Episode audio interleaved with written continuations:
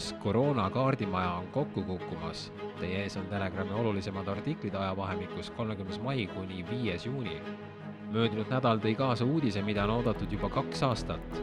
nimelt otsustas kohus esimest korda, et enamus koroonameetmeid olid täiesti ebaseaduslikud. kohus tunnistas NETS-il põhinevad koroonapiirangud põhiseaduse vastaseks halduskohtu kohtunik Andreas Paukstis leidis, et piirangute kehtestamise põhjendused ei ole piisavad ning kaalutlused, millest lähtuti, ei ole üheselt jälgitavad.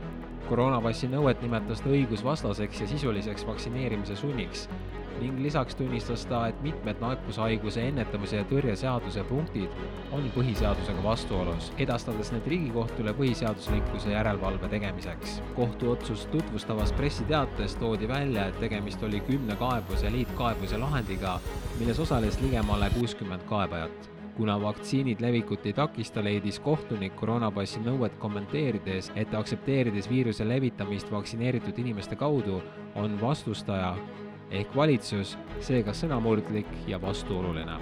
Advokaadibüroo Koh ja partnerid vandeadvokaat Kalev Aaviku hinnangul selgus menetluse käigus kogutud andmetest mitte üksnes avalikkusega jagatava teabe kallutatus, vaid ka Vabariigi Valitsuse poolt avalikkusele ja kohtutele asjaomaste teadusnõukoja ettepanekute kohta valeinfo andmine halduskohtu otsust kiitis ka õiguskantsler Ülle Madise ja avaldas lootust, et valitsus sügisel enam uusi piiranguid ei kehtesta.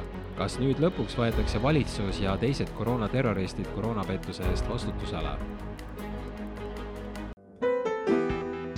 Sotsiaalministeerium andis välja Covid-19 valmisoleku kava kaks tuhat kakskümmend kaks ja kakskümmend kolm viirushooajaks. ministeeriumide, Terviseameti ja teiste koroonasõltlaste ühistööna valminud kavas tõepoolest tuuakse eraldi välja, et piiranguid püütakse niinimetatud uue laine tulles igal juhul vältida.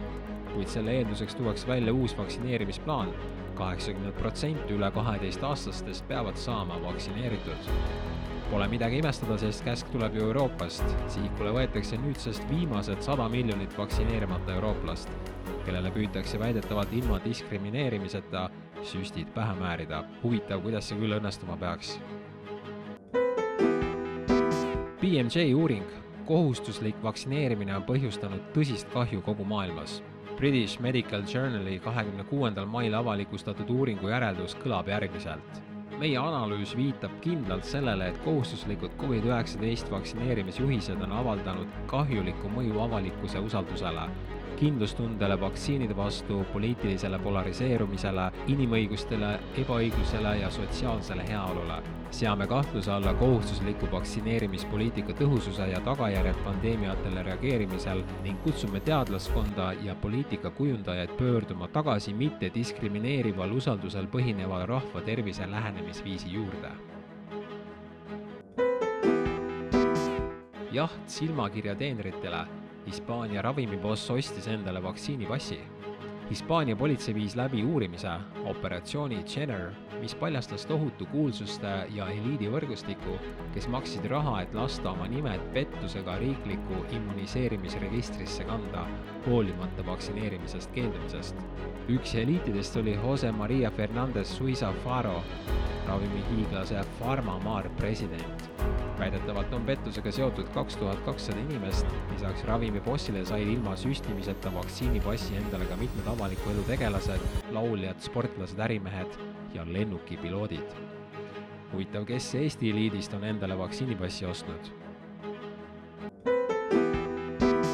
WHO rahvusvaheliste tervise-eeskirjade muudatustest võeti reedel vastu vaid üks kuigi erinevaid ettepanekuid WHO tervisealase võimu kindlustamiseks valitsuste üleselt oli tosinkond, võeti esimesel kohtumisel neist vastu vaid üks, mis kiirendaks reformi elluviimist kahekümne neljalt kuult kaheteistkümnele. kas tõesti on ka liit ise hakanud koroonapettusele vastu seisma? ja lõpetuseks veel üks rõõmustav uudis. uuendatud Johns Hopkinsi uuring liikumispiirangutest põrmustab ka faktikontrollijad eelmise aasta jaanuaris avaldas John Hopkinsi rakendusökonoomika globaalse tervise ja tööstusuuringute instituut töödokumendi, mis näitas selgelt, et liikumispiirangud kogu maailmas ei mõjutanud üldse Covid-19 suremust. uuringus tuuakse välja, et koroonapiirangud on aidanud vähendada majandustegevust, suurendada tööpuudust, halvendada haridust, põhjustada poliitilisi rahutusi, aidata kaasa koduvägivallale, elukvaliteedi kadumisele ja liberaalse demokraatia õõnestamisele lisaks koroonameetmetele põrmustavad uuringu autorid ka niinimetatud faktikontrollijad, kes nende sõnul ei tegelenud üldse asja sisulise uurimisega, vaid lihtsalt korrutasid pimesi juba eelnevalt kellegi teise poolt ette antud infot. Need olid Telegrami uudised möödunud nädalast. tule kapist välja ka sina, me kõik teame, et see on hauks